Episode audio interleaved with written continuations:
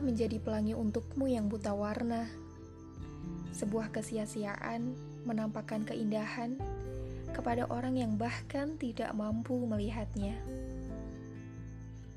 Banyak yang memegang kalimat itu di dalam hidupnya, sehingga ia mudah sekali merasa lelah saat berurusan dengan insan manusia. Siapa? Ya, kita.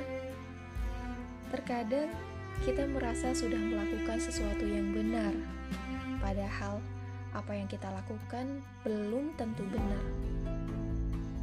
Seandainya saja kita sudah membuat gambar pelangi, dan si buta mengatakan bahwa ia tak mampu melihat gambar pelangi itu. Lalu, apakah kita kecewa? Seharusnya tidak. Kenapa? Masih kecewa? Uh, atau merasa sia-sia? Hei, bukannya tidak ada yang sia-sia. Setidaknya jika si buta tak mampu melihatnya, kamu yang membuat tetap bisa menikmatinya kan? Kecewa itu adalah bahasa hati.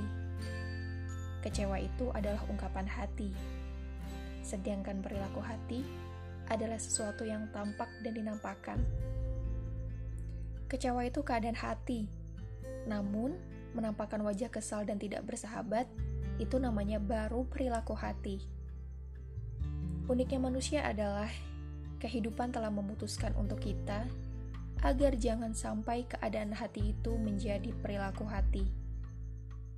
Dan itu sudah menjadi sebuah sistem tersendiri. Maka tak apa ketika kecewa ini menjadi keadaan hati. Kecewa itu normal dan wajar kok.